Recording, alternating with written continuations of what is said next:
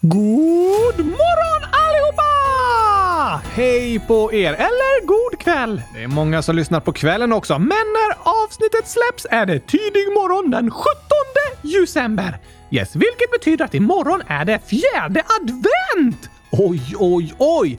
Helt otroligt. Det är en rekordtidig fjärde advent. Precis. 18 december, december är det tidigaste datumet som fjärde advent kan infalla på. Det är ju fortfarande en vecka kvar till jul. Det är länge, men ändå inte så länge. Nej, nu närmar vi oss slutet på terminen och på året. Sista veckan i skolan. Ja, sista veckan för i år. Va? Går inte i trean nästa år? Jo, alltså den årskurs du går i fortsätter ju 2023. Men det sista skolveckan år 2022, ja just det! Nu börjar jag bli taggad på vårt nyårsavsnitt! Det ska vi ha sen efter julkalendern. Men vi har fortfarande flera avsnitt kvar av spelkalendern. Ja, tack! Men innan vi kastar oss in i den spännande berättelsen idag om dagens spel är det dags att läsa upp ett fjärde adventsrim. Ja, för att eh, träna inför imorgon. Precis! Ska jag tända fjärde ljuset? Eh, Eh, jag är lite rädd för det där med levande ljus. Efter din traumatiska händelse på Lucia. Ja, tack! Jag vill inte komma i närheten av det där ljuset, för då kan det hända att jag bränner mig och då behöver jag duscha! Om du skulle börja brinna igen så slänger jag in dig i duschen. Ja, hemska tanke! Att börja brinna eller att duscha, lika hemskt.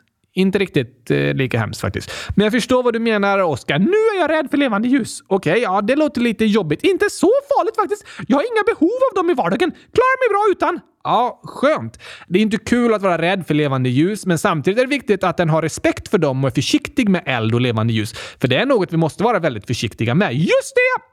Så, för säkerhets skull tror jag att jag idag sätter mig eh, 100 000 meter från adventsljusstaken när du tänder den. Det blir nog lite svårt. 100 000 meter är väldigt långt, Oskar. Jag kan ta med mig en trådlös portabel mikrofon. Ja, men du har ju ingen egen röst. Sant! Ännu bättre! Varför det? För då kan jag gömma mig 100 000 meter bort, men du är kvar här vid mikrofonen med min röst och spelar in. Ah, det kan väl funka. Då så! Jag ringer efter ett rullande kylskåp som kan plocka upp mig och köra mig långt, långt härifrån. Det finns inga rullande kylskåp. Jo, de där robotkylskåpen som levererar maten hem till dörren. Ja, ah, just det. De har vi pratat om. De borde starta en taxiservice också. Så att du kan åka runt i de robotkylskåpen. Ja, tack! Vilken dröm alltså! Kommer bli så populärt! Jag tror i princip bara det är du som drömmer om det, Oskar. Men det är ju faktiskt inte fjärde advent på riktigt idag. Vi bara låtsas som det för att det inte kommer något avsnitt imorgon, så vi kan låtsas att vi tänder ljuset också. Vi behöver inte göra det på riktigt, så du behöver inte sätta dig 100 000 meter bort. Smart!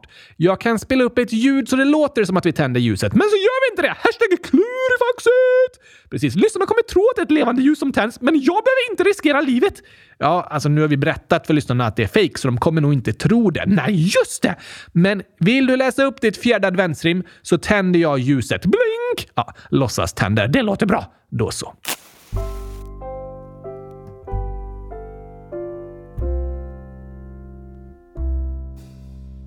När fjärde ljuset lyser. Julen snart är här. För vissa ökar stressen där de springer runt från affär till affär. Andra bär på oro över hur firandet ska bli. Vissa har längst inne någon form av julfobi. Andra längtar nästan ihjäl sig de inte vänta kan efter klappar, mat och fina stunder vid en gran så grann. Alla känner olika inför denna jul. Vissa skrattar, andra tycker inte det är kul. Men det finns inga rätt eller fel. Dina känslor är okej. Okay. Du måste inte låtsas vara någon annan än dig. Kom ihåg att mitt i allt är du bra som du är. Det önskar vi att du ska känna, även när julen är här.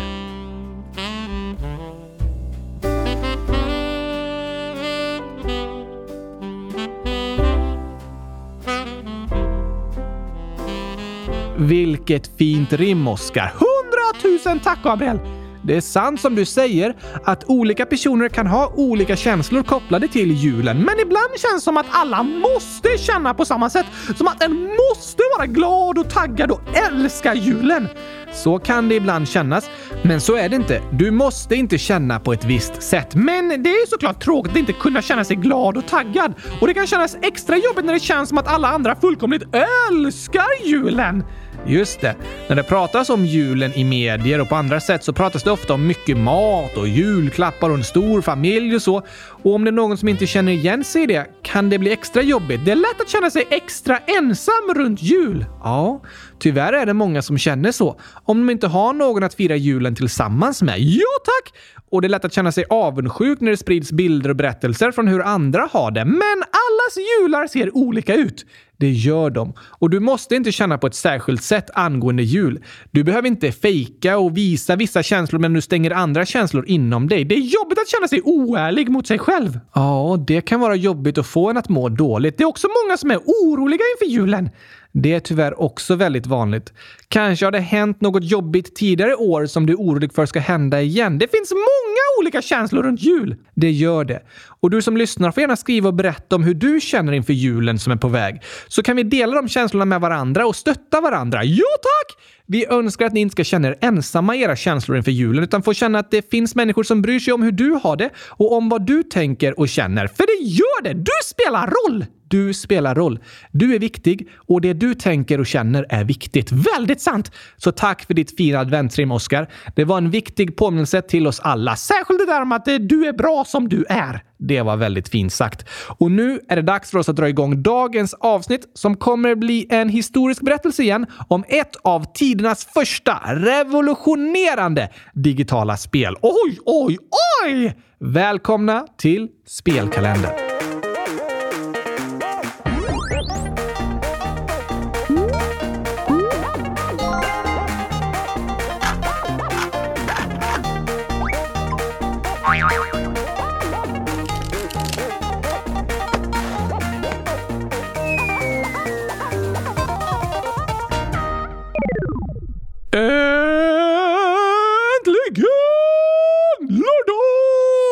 Och äntligen 17 december. På lördagar får man äta lördagsgurkor. Lördagsgurkor? Vad är det? Gurkor som man bara äter på lördagar. Ja, så bara vanliga gurkor. Ja tack! Jag trodde du menade typ som lördagsgodis. Det är ju det jag menar. Ja, men du sa att det var vanliga gurkor som äts på en lördag. Precis, men då är det inget speciellt med de gurkorna liksom. Nej, men det är väl inget speciellt med lördagsgodis heller. Det är vanligt godis som äts på en lördag. Eh, ja, det är sant. Det blir lite av ett särskilt event dock. Men eh, visst, lördagsgurkor i alla fall otroligt goda. Som alla gurkor. Ja tack, alla gurkor är otroligt goda. Det har vi hört dig säga. Har jag berättat det tidigare? ett par gånger. Men nu ska jag njuta av mina lördagsgurkor samtidigt som du berättar den spännande berättelsen om dagens spel, Gabriel! Ja, nu ska vi som sagt än en gång resa lite bakåt i tiden. Typ så långt bakåt som till när du föddes innan Pokémon skapats. Nej, längre tillbaka än så. What? Ända till medeltiden eller? Inte riktigt så långt. Jag börjar bli lite orolig över hur gammal du faktiskt tror att jag är, Oskar. Alltså, jag har inte så bra förståelse för det där med tidsperioder. Jag är samma ålder varje år, så jag har svårt att relatera till ålder. Ja, ah, okej, okay. jag, jag fattar. Jag föddes i alla fall inte i slutet av medeltiden. Nej, men uppe i toppen av omröstningen finns världens första datorspel. Oh la la! Det är spännande. Visst är det. Hur länge har datorer funnits? Det beror på lite vad du räknar som en dator. Data betyder ju information och fakta. Data! Ja, att du har mycket data om något, det betyder att du har mycket fakta och information om det. Aha! Och under flera hundra år har människor byggt olika maskiner för att göra beräkningar och bearbeta data. Okej? Okay? På engelska betyder computation en uträkning och dator heter ju computer som gör computations. Så en dator kom till för att göra beräkningar och behandla data? Ja, precis. Det är därför orden dator, data, computer, computations och så vidare hänger ihop. Och på 1900-talet så blev räknemaskinerna elektriska. Var det de första datorerna? Det kan man säga. Även om de var väldigt långt ifrån det som vi idag kallar för datorer. Och på 1950-talet så utvecklades datorindustrin väldigt snabbt. Började folk köpa datorer då? Nej, det dröjde fortfarande ett tag tills persondatorerna började produceras. På 50-talet kunde en dator vara lika stor som ett helt rum. Va? Ja, det var andra tider. Och på 50-talet började olika spel utvecklas till datorer. Vi pratade ju häromdagen till exempel om Tre i rad som ett av de första spelen. Just det! Men det var ju på sätt och vis ett digitaliserat brädspel, inte ett nytt datorspel liksom. Sant! Och de spelen som utvecklades var på stora datorer i forskningscenter. Men år 1962 släpptes spelet Space War, vilket ofta kallas för det första dator och tv-spelet som lanserades eh, mer öppet för alla liksom, utanför forskningscentren. Ah! Blev det populärt? Ja, ganska. Det är ett spel som utspelas i rymden och går ut på att skjuta ner motståndarens rymdskepp. Det lanserades på en PDP-1 minidator. Var de vanliga? Inte så vanliga. Så det var ganska få förunnat att få testa på att spela Space War. Okej, okay. och därför har jag tänkt fokusera berättelsen runt ett senare spel som var liksom det första spelet som slog igenom väldigt brett och för många blev det första digitala spelet som de någonsin spelade. Vilket då? Pong. Pong? Ja. Låter lite som eh, pingpong! Ja, det påminner om pingpong. Det är därifrån namnet kommer. Ni lyssnare kanske har testat att spela ett liknande spel någon gång. Det är liksom en racket på varje sida av skärmen, varsitt streck som kan styras upp och ner och så studsar det en boll mellan dem. Aha! Det har jag sett! Det är ett otroligt enkelt spel, men jag måste faktiskt erkänna att jag tycker det är väldigt roligt. Jag hittar lite sidor där det går att spela Pong och fastnade en aning i det i förberedelserna av programmet. Oj, oj, oj! Jag lägger in en länk till en hemsida i avsnittsbeskrivningen, men den funkar inte så bra på mobilen. Om ni vill testa Pong på mobilen kan ni söka på Pong, P-O-N-G, bland appar. Där finns det många olika sådana spel. Kul! Men Pong slog ju såklart inte igenom som mobilspel, utan det är bara kopior av det ursprungliga spelet. Från början var det ett arkadspel. Arkad? Ja, tänk i en spelhall liksom. Där det står en maskin som du lägger i en 10 krona i för att spela en omgång. Aha! Som stora maskiner med skärmar som det går att spela på. Just det. Innan dator och tv-spel slog igenom var det populärt att spela icke-digitala spel på sådana maskiner. Särskilt populärt var pinball. Det finns på datorn också. Absolut, det gör det ju. Men det började som ett arkadspel där det finns eh, knappar som du slår på för att få pinnarna i pinball att skjuta upp bollen. Okej, okay, så ingen dator eller så? Nej. Men År 1972 byggdes en spelmaskin med spelet Pong och dess popularitet fullkomligt exploderade. Va? På dagens avsnittsbild kan ni se hur den maskinen såg ut och även på poddbilden för spelklännen lutar sig ju jag, alltså min Bitmoji, mot en sån maskin. Just det! Det var ett amerikanskt företag som hette Atari som producerade maskinerna och spelet blev så populärt att Atari blev det snabbast växande företaget i hela landet. Alla ville spela Pong! Ja, och jag läser artiklar som beskriver att ingen hade någonsin sett något liknande förut. Det var ett revolutionerande spel. Alltså, det är två streck som åker upp och ner med en boll emellan. Hur revolutionerande kan det vara? Jag förstår vad du menar, Oskar. Idag känns det som jättebasic, det enklaste och simplaste spelet som finns. Ja, tack! Men då och då under historien har nya revolutionerande framsteg gjorts som ingen någonsin sett tidigare.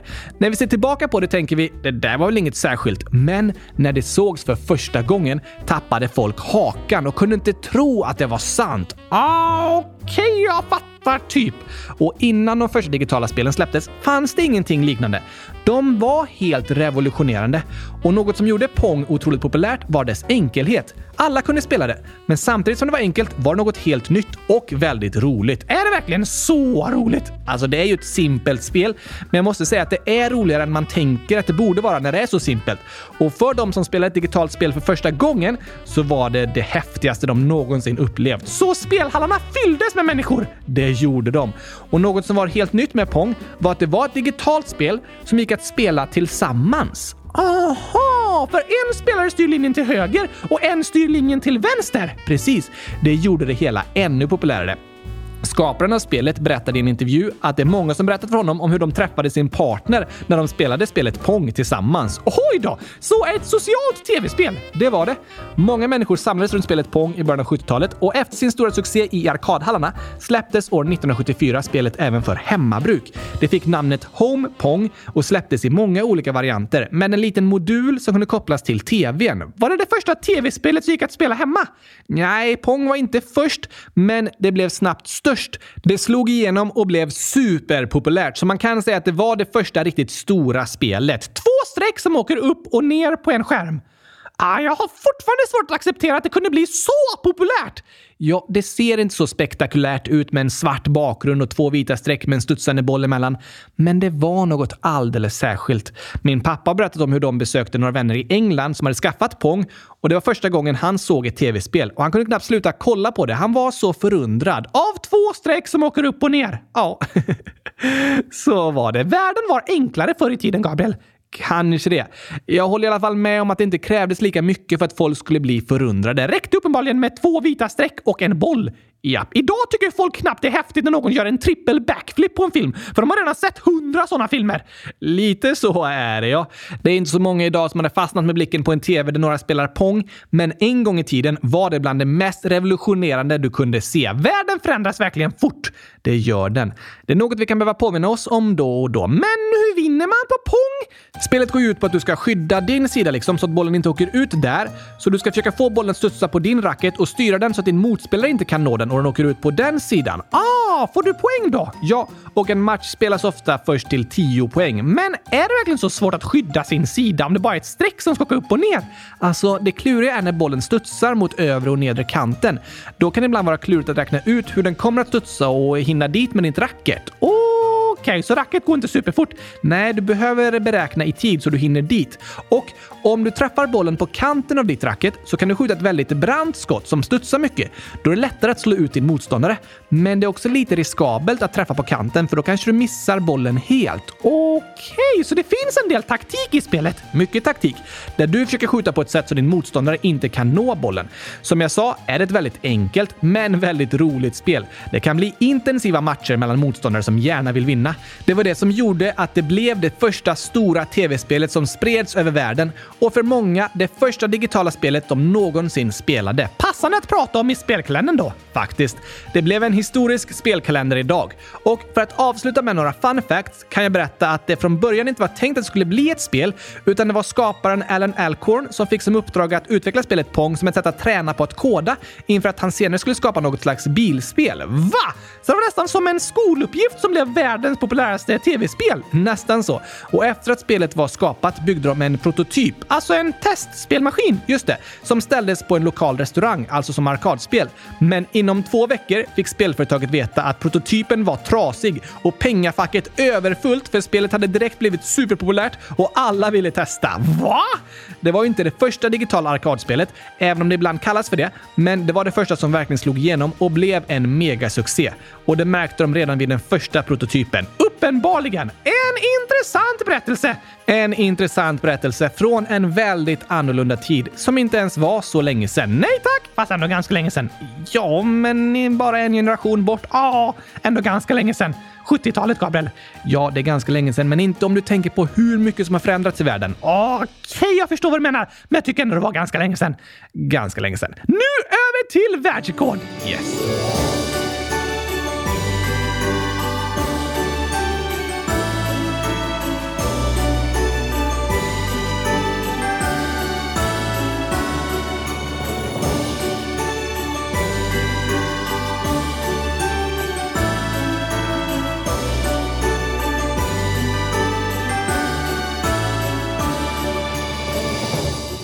Det var tokigt senast när du berättade om äckliga världsrekord, Gabriel.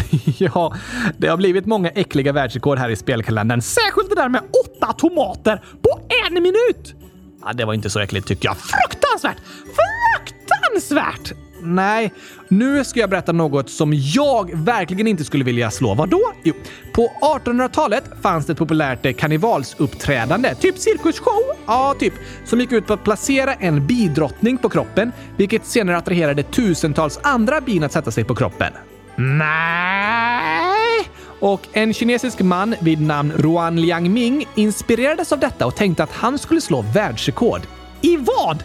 Att ha flest antal bin sittandes på kroppen. Du skojar? Nej, det gör jag inte. Så de placerade 60 bidrottningar på honom. Det var många, vilket förde med sig 637 000 bin. V vad sa du? Han hade bin som totalt vägde över 60 kilogram på kroppen. Över 600 000 bin! Helt otroligt. Det filmades på en Guinness världsrekordshow i Italien. Jag lägger in en länk i avsnittsbeskrivningen till den filmen på världsrekordet. Det går väl inte att ha 600 000 bin på kroppen? Nej, det är helt otroligt. Men faktiskt möjligt. Rohan hade ju det. Jag får panik om jag ser ett bi. Ja, jag tycker inte heller om att ha ett bi som flyger runt kroppen eller sätter sig på mig. Han måste vara den lugnaste mannen i världen. Det är faktiskt otroligt imponerande att behålla lugnet med 637 000 bin på kroppen. Jag vill i alla fall inte försöka slå det rekordet. Inte jag heller. Men på tal om cirkusartister så läser jag om ett annat riktigt coolt världsrekord som är slaget av Nancy Sifker. Vad gjorde hon? Hon stod stod på händerna samtidigt som hon med fötterna sköt med pilbåge och träffade mitt i prick över sex meter bort. What? Helt otroligt skillad är hon, så hon står upp och ner på händerna och skjuter pilbåge med fötterna. Riktigt häftigt. Och rekordet är att träffa över sex meter bort. Men en världsrekordhållare du borde kontakta, Oscar, är Andy Jennings. Vad har han gjort? Han har rekordet i att ha åkt snabbast i en soptunna. Hur då? Ja, alltså en sån där stor grön soptunna med hjul. Ja, men det är ingen bil! Nej, men han satte dit en motor från en racingmotorcykel, satte i en växellåda, ratt och säte för honom att sitta på. Sen åkte han till ett flygfält och fick upp soptunnan i 72,57 kilometer i timmen. Det är som en bil! Ja, 70 kilometer i timmen är ju hastighetsbegränsningen på landsväg. Det är väldigt fort. Särskilt för att åka i en soptunna. Helt otroligt! Det är faktiskt helt otroligt. Och inte något att testa hemma. Nej, och jag tycker inte ni ska testa att sätta 600 000 bin på er heller. Nej, testa inte det heller. Fast att åka snabbast i en soptunna är något jag hellre skulle testa än att ha 600 000 bin på kroppen. Det håller jag med om. Farligt, eh, men låter ändå lite roligt. Jag ska kontakta honom för att få hjälp med att bygga om ett kylskåp och sen slå det världsrekordet. Det var det jag tänkte. Så ska jag köra i 100 000 kilometer i timmen! Ja, det, det, kommer bli svårt. Fast om jag sätter mig i ett kylskåp och så släpper du ner det från ett högt hus, då kommer jag upp i 100 000 km i timmen. Nej, inte direkt. Din hastighet i ett fall beror på jordaccelerationen, vilket gör att för varje sekund du faller så ökar hastigheten med 9,8 meter per sekund. Så desto längre jag faller, desto snabbare går det. Ja, precis. Det är därför det är farligare att ramla från hög höjd, för din hastighet när du slår i marken är högre, så det blir en farligare smäll liksom. Aha, för att jag faller fortare! Precis. Och efter en sekund faller du i ungefär 35 km i timmen och efter två sekunder i 70 km i timmen. Fast eh, det beror en del på luftmotstånd och sånt också. Så efter två sekunders fall i mitt kylskåp kan jag slå världsrekordet! Ungefär ja. Alltså, världsrekordet var ju att köra i över 72 km i timmen som en bil. Men jag vill flyga som ett flygplan! Du menar störta ner? Typ samma sak? Nej, inte samma sak. Men då letar jag upp ett riktigt högt hus och så kan du släppa ut mig och kylskåpet där uppe från toppen. Det kommer bli en farlig smäll när du slår i marken. Jag är gjord av bomull så det är lugnt. Ja, det har du rätt till. Jag, jag, tror inte det är så smart att göra det ändå, Oskar. Kylskåpet kommer ju att gå sönder. Nej! Vad hemskt! Ja, du kanske ska bygga om det till en bil istället och försöka slå rekordet nere på marken. Ah, Okej, okay, då jag gör det istället. Men nu så är det dags för en julsång. Vilken tar vi idag? Jo, om det är så att jag skulle göra mitt världsrekordförsök och slängas ner från ett högt hus i ett kylskåp så kommer det gå sönder och då behöver jag en ny kyl. Just det, här kommer ny kyl önskar vi er alla. Yeah, yeah, yeah! Är ni med? Nu kommer nya julsånger av Oskar! Ny kyl önskar vi er alla, ny kyl önskar vi er alla, ny kyl önskar vi er alla och att glass i den står. Ny kyl önskar vi er alla, ny kyl önskar vi er alla, ny kyl önskar vi er alla och att glass i den står. När andra paket har varit till förtret så får du en kyl med sin fullkomlighet. oh, ny kyl önskar vi er alla, ny kyl önskar vi er alla, ny kyl önskar vi er alla och att glass i den står. Du kanske haft ett tungt år som lämnat djupa spår, men glädjen återvänder när du kylskåpet får. Ny kyl önskar vi er alla, ny kyl önskar vi er alla, ny kyl önskar vi er alla och att glass i den står. Ny kyl önskar vi er alla, ny kyl önskar vi er alla, ny kyl önskar vi er alla och att glass i den står. När du kylen börjar fylla dess härlighet du hylla och snart i ditt kök det av vänner börjar krylla. Ny kyl önskar vi er alla, ny kyl önskar vi er alla, ny kyl önskar vi er alla och att glass i den står. Yeah, yeah, yeah, ny kyl till alla där ute. Alla behöver en kyl.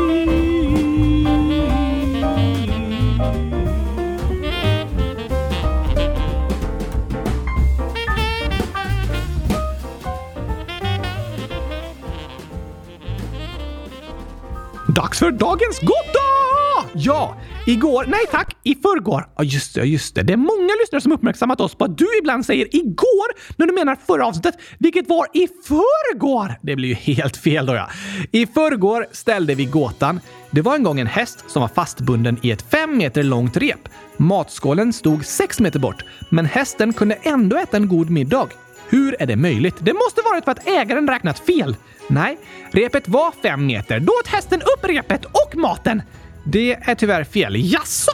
Vad har lyssnarna gissat? Det finns förslag på att det var en ponny eller att det är ett gummirep. Smart! Ja, även att hästen fick maten i en annan skål. Så kunde det varit. Eller att Q-Thunder kommer till undsättning och ger hästen sina gurkor.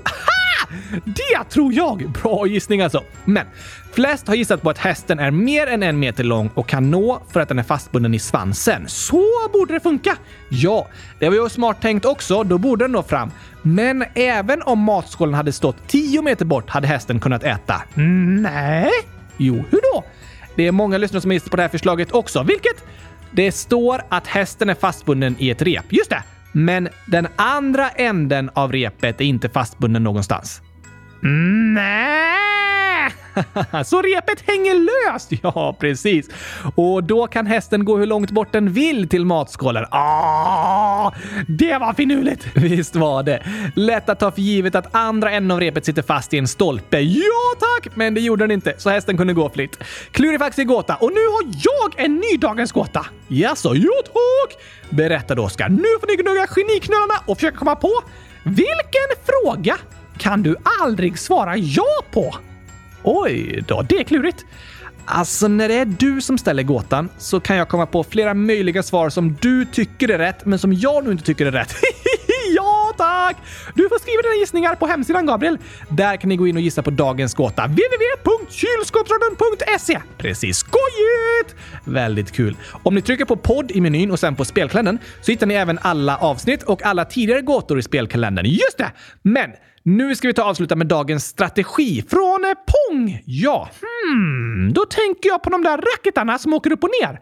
Just det, ibland när jag spelar så följer jag bollen åt vilket håll den är på väg åt. Om bollen går ner så åker jag ner med mitt racket. Ja, det förstår jag. Men så plötsligt studsar bollen upp och så hinner jag inte upp. Det är sant. Det är oftast på grund av bollen studsar som en misslyckas i Pong, men då är det viktigt att tänka ett steg längre. Inte bara följa den riktning bollen är på väg åt, utan tänka vad kommer hända i nästa steg efter studsen? Smart! Det är väldigt bra att göra om du spelar Pong. Försöka beräkna studsen innan den sker, så att du inte åker för långt ner eller för långt upp med din racket och missar bollen efter studsen. Bra strategi! Och så är det med många saker i livet. Det är bra att försöka tänka på vad som kommer hända i nästa steg och planera lite i förväg så en är förberedd och kan möta det som kommer hända. Att kolla framåt och se vad som kommer att hända och planera i förväg kan vara väldigt viktigt. Det håller jag med om, Oskar. Det hjälper en att hinna med så ni inte missar bollen efter studsen.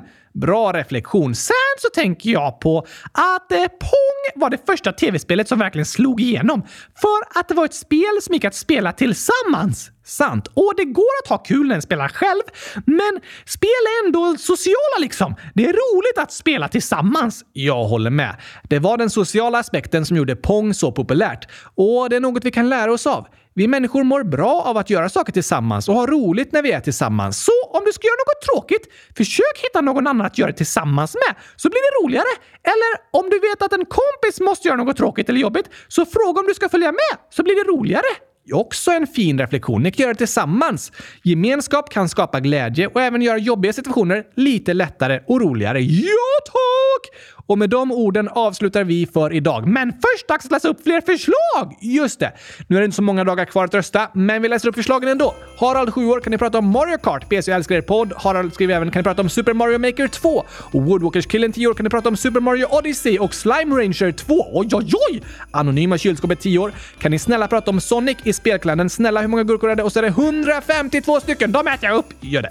Gurre 100 000, 100 000 år, kan ni prata om gurkakastning? Snälla! Ja, ja helt fantastiskt bra förslag! Hur kan det inte stå på listan, Gabriel? Nej, vi får ta med det om vi pratar om Oscarsspelen. Ja, tack! Gurkakastning! Självklart, Gurre!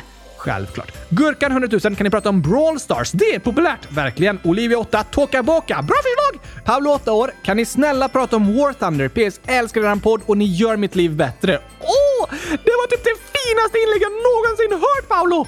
Tack så jättemycket för det. Vad roligt att höra att du tycker om podden. Och tack, tack, tack för ditt förslag och ditt fina inlägg. Skriv gärna igen. Ja, tack!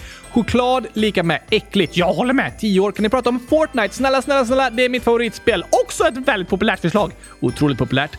Gurka 2.0. 9 år. Kan ni prata om GTA 5? Snälla. PS. Min syster har opererat bort blindtarmen. Åh, hoppas din syster mår bättre! Ja, vi önskar krya på dig till henne. Krya, krya! Och tack för förslaget. Jag kommer tyvärr inte lägga till det spelet nu eftersom jag inte tycker det är ett spel som passar för barn och det är en väldigt hög åldersgräns på det. Vi har ju lyssnare från alla åldrar. Just det! Och alla olika regler för vad de får spela. Precis, men vi försöker mest prata om spel som passar för alla åldrar och ändå skapa en spännande och intressant spelkalender. Men tack för förslaget Gurka 2.0. Ja, tack! Superstort tack! 9 och 10 år. Kan ni prata om Sovjetunionen? Okej! Okay. Och förslag på spel My Singing Monsters. Oh, det lät tokigt, det gjorde det. Och geocaching, geocaching-ålder kan ni prata om, jag gissar, geocaching! Just det. Bra förslag. Superbra förslag! Vi lägger till de förslagen som inte redan finns med på listan. Men du Oskar, innan vi avslutar så skriver Cessia, 11 år. Hej! Jag fyller 12 år den 18 december. Kan ni gratta mig? Ni är bäst. Och så massor av gurkor. Tack! Grattis på födelsedagen Cessia! Massor av grattis på 12-årsdagen imorgon. Hoppas den blir bäst i test. Det hoppas vi verkligen. Och du får njuta av riktigt mycket gurkaglass. Kanske det. Eller något annat gott. Det finns inget godare. Tycker inte du? Sen skriver Andreas, över ett år. Hej, jag har inte skickat meddelanden så mycket det senaste, men jag fyller år 17 december. Och hur mycket har ni lyssnat på låtar och poddar i Spotify? För mig, låtar 34 000 minuter, poddar 27 000 minuter. Hej då! What? Oj, oj, oj. Det är flera timmar om dagen totalt. Mycket Spotify-lyssnande! Ja, det får jag säga. Vad roligt att du vill lyssna på kylskåpsradion, Andreas. Hur mycket har du lyssnat på podd, Gabriel? Alltså, jag lyssnar mest i andra appar, så jag har inte någon eh, Spotify-statistik på det. Ah, okej. Okay. Men jag är ganska säker på att Andreas har slagit mig i tid. Det tror jag också. Men jag har ju producerat mycket podd i alla fall. Där är vi med högt upp på listorna på Spotify, Oscar. Ja, tack! Och såklart vill vi säga grattis på födelsedagen till dig, Andreas. 100 000 grattis! Hoppas du får en underbart bra, helt gurkastiskt fin födelsedag med mycket skratt, glädje och kylskåp. Precis, fin trio! Verkligen. Skratt, glädje och kylskåp önskar vi dig. Och med det säger vi hej då. Hörs igen på måndag! Precis. Ha det bäst tills dess, alla älskade lyssnare. Tack och hej! Revolutionerande gurkapastej! Hej då. Den var verkligen revolutionerande när den kom första gången. Alla bara “What? Har aldrig sett något liknande!” Jag vet inte om det är så många som reagerar så när de säger gurkapastej. Jag är helt säker. Ja, kanske det. Revolutionerande gurkapastej. Vi säger det.